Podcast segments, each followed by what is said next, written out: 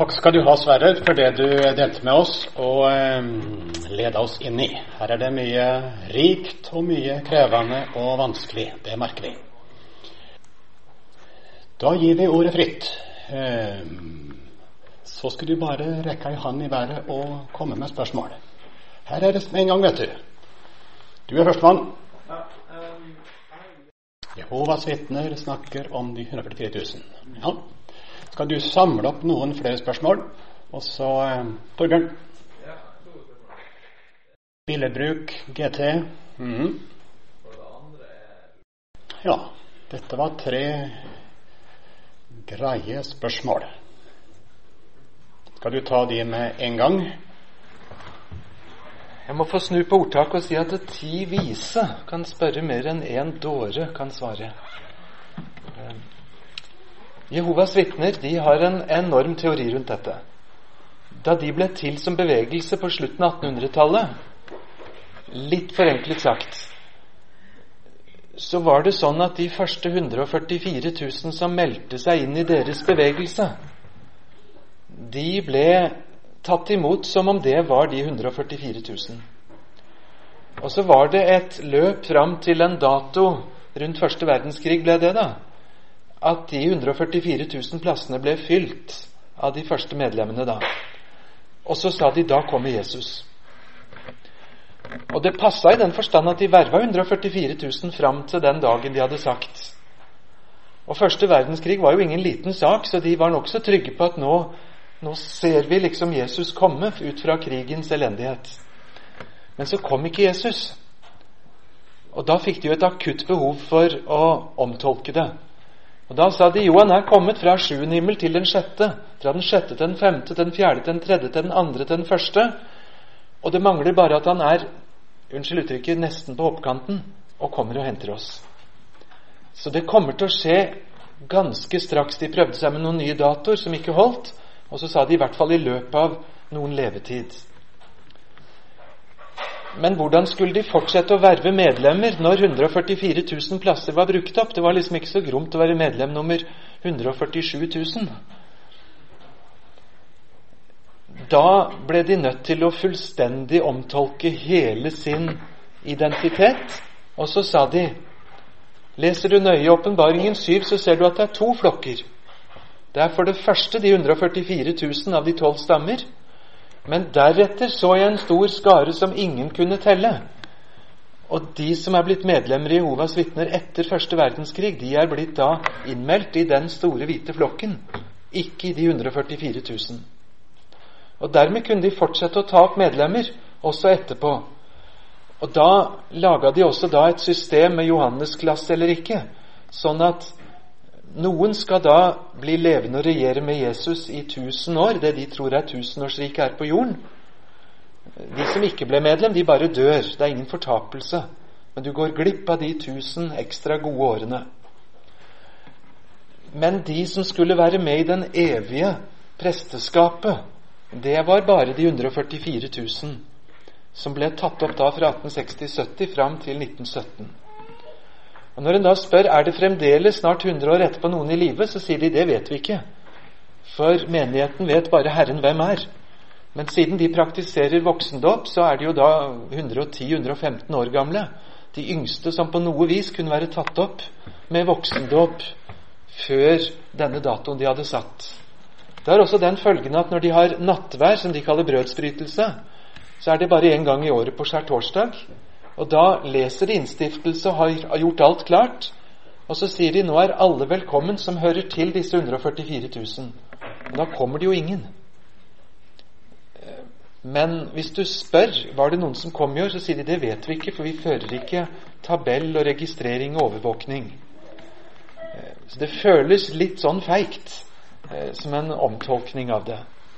Når jeg konfronterte et Jehovas vitne med dette nylig, så, så svarte hun at Nei, takk og pris at ikke jeg er av de 144 000 for å skulle stå der for all evighet og synge lovsanger til Gud, sa Det må være forferdelig kjedelig. Så sa jeg at det du sier til meg nå, det hører jeg som blank blasfemi. Og hvis du har det sånn med din Gud at det å være i hans nærhet og prise Han er en byrde som du håper du slipper utover de tusen år, så forstår jeg ikke hva slags tro du bærer på. Så de har mange rare teorier. Jeg vil ikke anbefale hvem som helst å bruke tid på å ha med dem å gjøre. Jeg har latt være å gjøre det, bortsett fra et par års tid da jeg skrev en bok om bibeloversettelsen deres. Så gikk jeg i nokså dialog med dem og var mye hos dem. Men jeg tror ikke det kommer noe, noe, stort og godt ut av å skulle være i en sånn diskusjon, så jeg, jeg vil ikke anbefale det. Noe helt annet om bruken av Gammeltestamentet i Johannes' åpenbaring. Du kan nesten spørre hva er det som er omtalt i Johannes' åpenbaring uten at det forklares med GT. Jeg tror forskerne har regnet ut at 276 av 414 vers i Johannes' åpenbaring har en eller flere link til Det gamle testamentet. GT blir ikke sitert én eneste gang, men det hintes til det og alluderes til det i tre fjerdedeler av versene. Nesten hvert uttrykk har en forhistorie i GT. Eh, de bibelkritiske forskerne sier at Johannes klarte ikke å snakke om noen ting uten å gjøre det i språket fra GT. Han hadde ikke noe annet språk. Hodet hans hadde ikke andre tanker. Det var proppfullt av GT. Så alt han så, det omtales i GT-språk. Og det er jo litt rart. Men, eh, men kan vi ikke snu det til noe fint? Og si du og jeg som lurer på hvordan vi skal forstå GT, la oss lese Johannes' åpenbaring, så får vi en masse hjelp. Det var det jeg tok min doktorgrad på. Hvordan er de vanskelige profetiene om Gog og Magog i Esekiel å forstå? Ja, det blir atskillig lettere når jeg leser Johannes' åpenbaring. For da vet jeg i hvert fall hvor i endetidsdramaet er det de dukker opp. Og måten de presenteres på, hjelper ganske mye. Så en måte å lese Johannes' åpenbaring på, det er å se på de bitte små henvisningene som står under hvert vers. Og Skal du slå opp det, så har du et stort prosjekt for mange dager og mange uker. Men i hvert fall ett og ett uttrykk, og av og til følge de sporene bakover. Utrolig nyttig og veldig interessant. Og Da vil du se at omtrent hele GT er med å spa fram materialet som brukes i Johannes' åpenbaring. Hvordan lese det for seg selv? Jeg slo et lite slag for å lese det i sammenheng, selv om det høres veldig rart ut. I morgen er det søndag. Å bruke en time eller to på søndag til å lese Johannes' åpenbaring tvers gjennom Det går an å gjøre. Å ta pause hvert kvarter og drikke et glass vann. Men ellers bruke helligdagen innenfor Guds ord. Det er også en måte å lese det på. Så har jeg lyst til å slå et slag for å prøve å pugge utenat. Mange tenker at det er helt umulig. Jeg har god hjelp av sånne gule Post-It-lapper. Sånne som det. Der skriver jeg ett eller to bibelvers, og så setter jeg det på innsiden av klesskapet. Så ser jeg det et par ganger hver dag en par uker. Da kanskje kan jeg det. Det er veldig kjekt. Eller å sette det et annet sted hvor det er privat, og ikke på hushjørner for at andre skal se det, men likevel synlig. Å prøve å huske uten at noen bibelord, kanskje noen jeg kan sånn halvdårlig, og lære dem akkurat utenat. I Johannes' åpenbaring er det lett å finne sånne mannakornvers, eller sånne vidunderlige trøsteord, eller sånne kjempeavklarende bibelvers som kan hjelpe. Enda en måte å gjøre det på, det er hvis en har tre-fire andagsbøker. Bakerst i dem står det som regel en tabell over hvor i Bibelen de henter andaktsord. Det går an å bruke en måned bare på å lese en andakt fra Johannes' åpenbaring hver dag i tre-fire forskjellige andagsbøker en har. Et godt tips er Carl Fredrik Wisløffs 'Daglig brød'. Der har du kjempemye godt stoff, og i løpet av en 10-20-30 sånne andakter så har du kanskje fått tak i noe helt nytt. Det syns jeg er en ålreit måte å gjøre det på. Ja, da har vi plass til flere spørsmål. Det, det her gikk jo greit. Ja. Kanskje du kunne liten kommentar til Johannes 3, 15 og 16? Og fortelle litt om tolkningen av det. Nå er de på åpenbaringen 3, 15 og 16. Ja. ja brevet til Laudikea. Mm. Jeg tror en må få tygge noen sekunder på det, og så tar vi andre spørsmål. Så nå har han notert det. andre ting som det kunne være greit å, å, å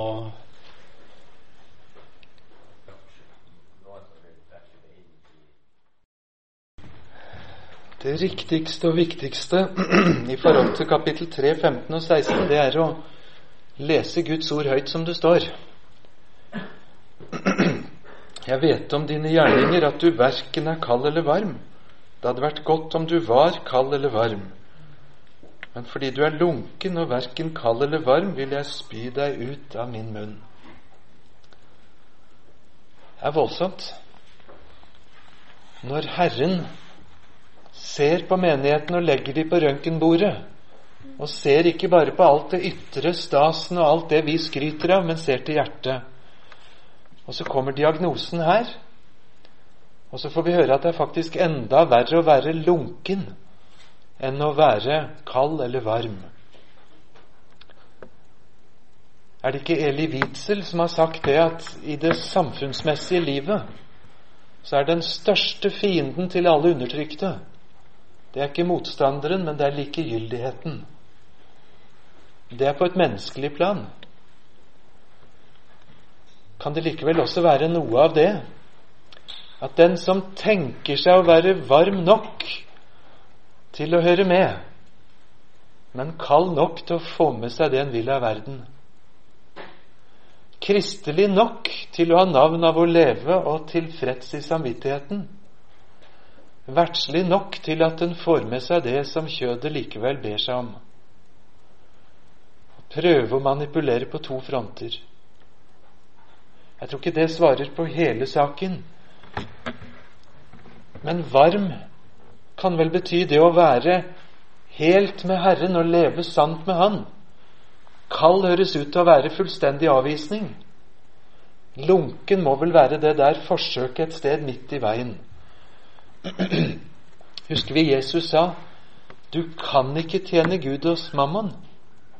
Han sa ikke at det, at det er ikke lurt, eller dere får ikke lov til, eller dere burde ikke, men dere kan ikke. Når jeg leser sånne ord, så minnes jeg den opplevelsen jeg som elleveåring hadde. Jeg kom fra misjonsland til Norge, skulle lære å stå på ski i en bakke som de kalte Dødsbakken. Og der var det et tre midt nedi bakken. Ellers åpen til begge sider.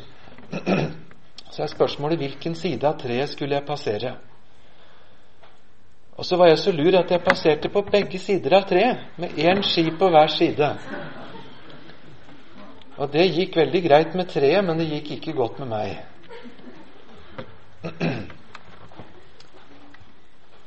Er det det å være lunken? At du tror å være kristelig nok til at det holder? Og verdslig nok til at ikke det koster noe. Jeg tror ikke det er hele svaret. Men til mitt hjerte så har det ropt og sagt, Sverre, du må ikke, du må ikke prøve deg på kompromisser verken med Bibelen eller å forhandle med Satan. Eller å etablere noe som skal være liksom inkluderende og breit hvis det går på bekostning av sannheten. Men her er jeg rimelig sikker på at mange andre har åndelig visdom til å tale sant og klart om det. La oss i alle fall lese hva det står, og ta det med oss i bønn til Gud og si La det aldri være meg som må kastes ut av ditt rike med selvbedrag og kanskje kollektivt bedrag og miljøkristendom eller hva det er, men ikke sann vare fra Gud selv. Om de tusen år Jeg er vokst opp med Luthers forklaring. Luther tok et dundrende og rivende oppgjør med svermerne på sin tid og svermerne gjennom middelalderen som trodde at de skulle klare å opprette et eller annet jordisk Messiasrike, som de kalte de tusen år, eller det nye Davidsriket. Det skjedde i Münzer, i bondeopprøret fram mot 1525. Det hadde skjedd gjennom kirkehistorien mange ganger før den tid. I det lutherske bekjennelsesskriftet Augustane, eller den augsburgske bekjennelse, så står det uttrykkelig stemplet som en vranglære de som vil bygge et jordisk Messias-rike, som liksom skulle være disse tusen år. Og jeg er så inderlig enig med Luther. Og etter at han er død, så har det jo oppstått dusinvis av sånne fantasiriker rundt i verden, og ikke minst i Amerika, hvor man skulle bygge dette nye riket. Luther han sa at Jesus vant over djevelen på korset på en slik måte som når en glupsk, sint hund blir lagt i en lenke. Han brukte et fantastisk godt bilde. Han sa at djevelen er som den sinte hunden som bare vil oss ondt. På korset kom Kristus og seiret over ham og la ham i lenke. Og ifra Golgata fram til sin gjenkomst så lar Jesus Satan få være som en sint hund som har en så lang lenke og ikke lenger. Hvor stor er det virkerommet denne sprellende, halvdøde fisken har? Denne glupske satanulven. Ja, det er det han svarer på i den sangen. Er han vred og vil oss styrte ned, han ingenting formår, allerede dømt han går. Lenken er så lang som til han møter et Guds ord. Der stopper det. Ett Guds ord kan stoppe ham. Det er en fantastisk god beskrivelse av hva vi har i Kristus i seieren. Men så er spørsmålet er dermed alt sagt om de tusen år i åpenbaringen 20? Jeg har som bibelskolelærer og misjonsskolelærer argumentert som Luther fram til de årene jeg skulle skrive om disse versene i Åpenbaringen 20, og satt fem år med bare det. Jeg er ikke sikker på hvordan det er å forstå, men jeg opplevde alt som i all beskjedenhet er det samme som skjedde for Carl Fredrik Wisløff. Han er mitt store forbilde som bibellærer. Han tenkte som Luther i denne som i omtrent alle andre saker. Men så forklarte Wisløff meg at jeg kom til et punkt der jeg måtte se på teksten for tusende gang og si det er jo faktisk ikke sikkert at det er det denne teksten sier.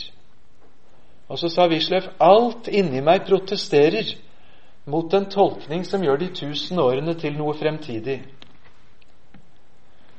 Men hvis det er det teksten sier, så kan jeg jo ikke avvise teksten. For hvis de tusen år gis til dem som i den siste endetidskampen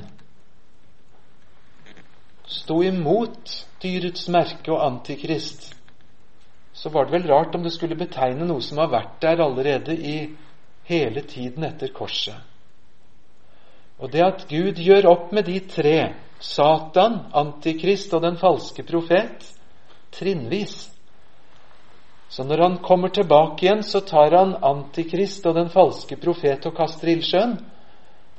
Men Satan selv bare settes i varetekt i avgrunnen i tusen år. Når de tusen år er til ende, da slipper Satan løs av sin varetekt og gjør et kort, fortvilet forsøk på opprør. Men han tas av Herren, og så kastes han i ildsjøen der hvor Antikrist og den falske profet allerede har vært i tusen år og så er de forenet.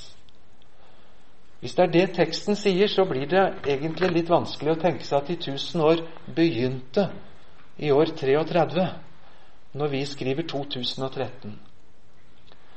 Men samtidig gir det mening at Herren skulle omtale en så stor fase som 1000 år i endetiden bare på én tekst og bare i et sånt billedspråk, og så skulle vi lage et læresystem ut av det Nei, det går ikke an.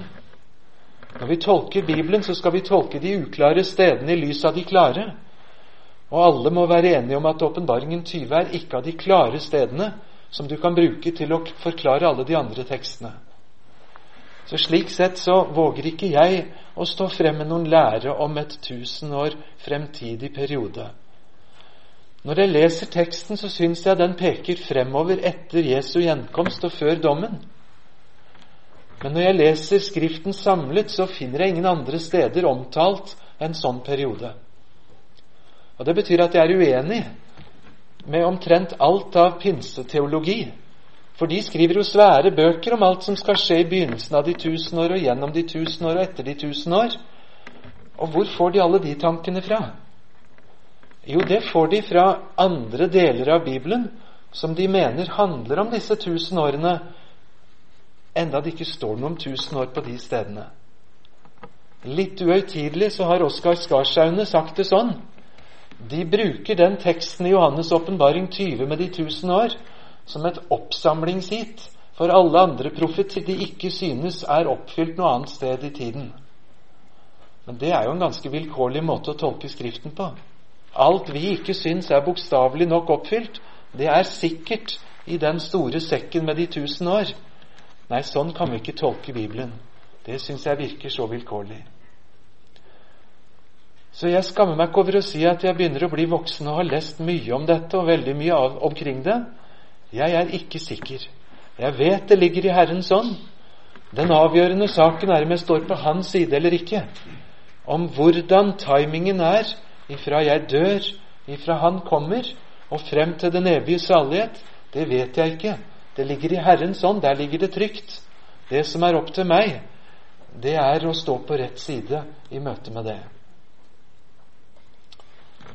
Det tredje spørsmålet gikk på om dyrets merke er så bokstavelig og konkret som jeg ga inntrykk av.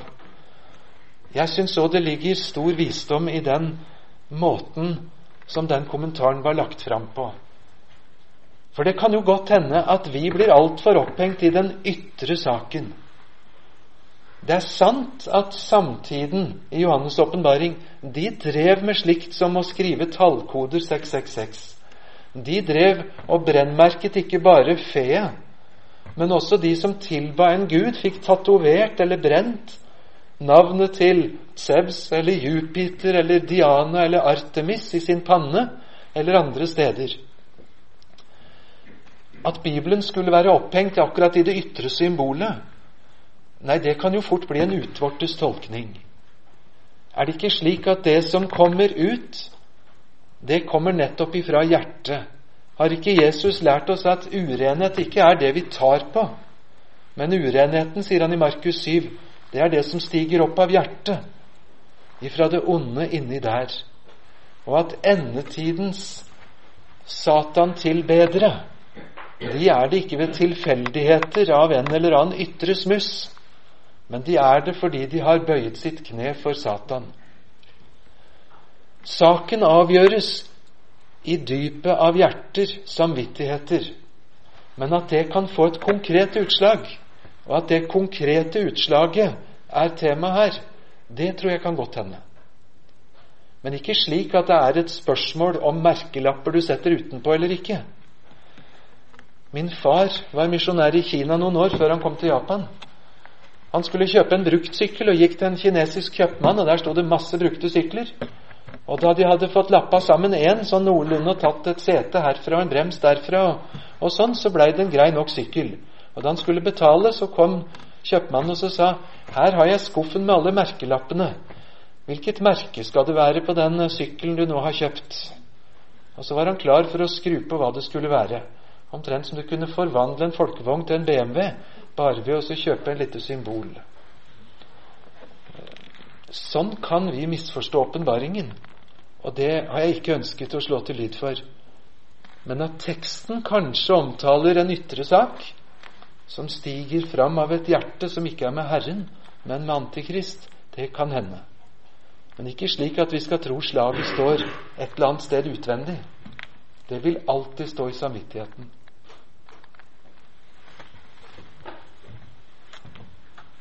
Tror vi snart skal eh, avslutte, men eh, er det ett eller to spørsmål til, så tar vi det.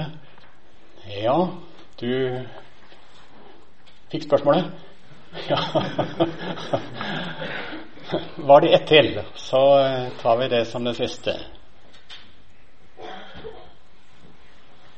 For det som han spør om det, det tror jeg er mange grunner på det her med Går vi direkte hjem til Gud, og når skal vi møte ham? Ja. Mm. Hvis det ikke var flere spørsmål, så lar vi det være det siste.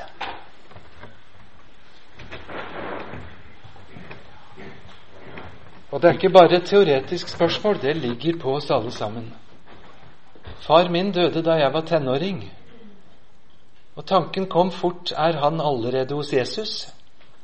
Eller ligger han i graven og venter fram til oppstandelsens morgen? På den ene siden så har vi tekster som den du sier. Jesus sier 'I dag skal du være med meg i paradis'. Den rike mann og Lasarus, der forstår vi at de straks etter at de døde, de kom i dødsriket. Altså ikke i den evige fortapelse nødvendigvis, men det kalles Hades dødsrike. Men de var delt, og det var ikke mulig å ha kontakt, sånn at de kunne hjelpe hverandre da. Og Der får vi inntrykk av at det skjer straks og umiddelbart etter døden. Paulus skriver flere steder at han skulle ønske han kunne dø på flekken og komme til Herren og være hos Han, for det er så mye, mye bedre. For meg er livet Kristus og døden en vinning. Og han skriver i 2. kor 5 om hvor godt det var om han hadde sluppet å, å bli lagt i den kalde grav, eh, og heller kunne flytte direkte over. Vi har flere tekster som gir den følelsen av den direkte overgangen. Men så er det en tekst særlig fra Daniel 12 hvor det står om de som sover i jordens muld. De skal på en bestemt dag vekkes opp. Noen til evig liv, andre til skam og evig avsky. Og Den teksten fra Johan Daniel 12 den siteres også i Nyttestamentet, bl.a. av Jesus selv i Johannesevangeliet.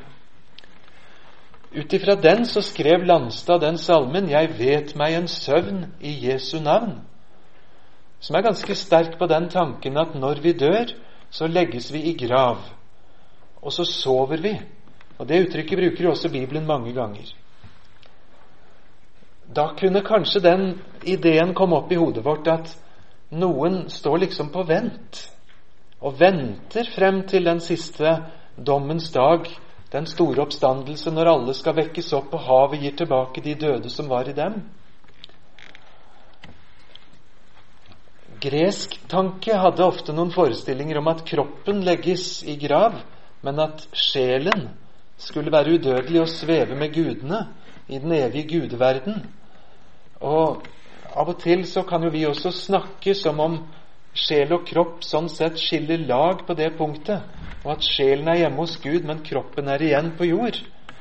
Og det er ikke så lett å finne akkurat de uttrykksmåtene igjen i Bibelen. Når det står om at i denne natt kreves din sjel av deg, så var det vel også kroppen som døde. Og den skjelningen mellom kropp og sjel der Det er ikke sikkert det er så enkelt å finne bibelord akkurat for det. Gjennom kirkehistorien så har den vanligste forklaringen på dette vært at tiden, det er noe du og jeg er fanget i. Gud er ikke fanget i tiden, og heller ikke de døde. Mens vi noterer rundetider og dager og sekunder, så er det fordi vi er fanget i tiden på en helt annen måte enn Gud selv er. Det står at én dag er som tusen år, og tusen år som én dag. Og Hvis noen av oss skulle begynne å få tanker om at det skulle være en ond skjebne, og skulle være død i påvente av noe, så er det spekulasjoner vi lager oss selv. Det er riktignok i Jesaja kapittel 13 og 14 billedlig snakka som om de døde alle sammen befinner seg i en sånn slumretilstand. Men det er vel uttrykkelig sagt å være et bilde. Jeg har noen ganger tenkt at hvis jeg skulle som lærer forsøke å lære to maur innerst i en maurtue forskjellen på sterke og svake verb på tysk, så ville jeg ha et stort problem. Jeg tror maurene vil ikke forstå at noen bruker sånt språk og sånne fremmede ordklasser.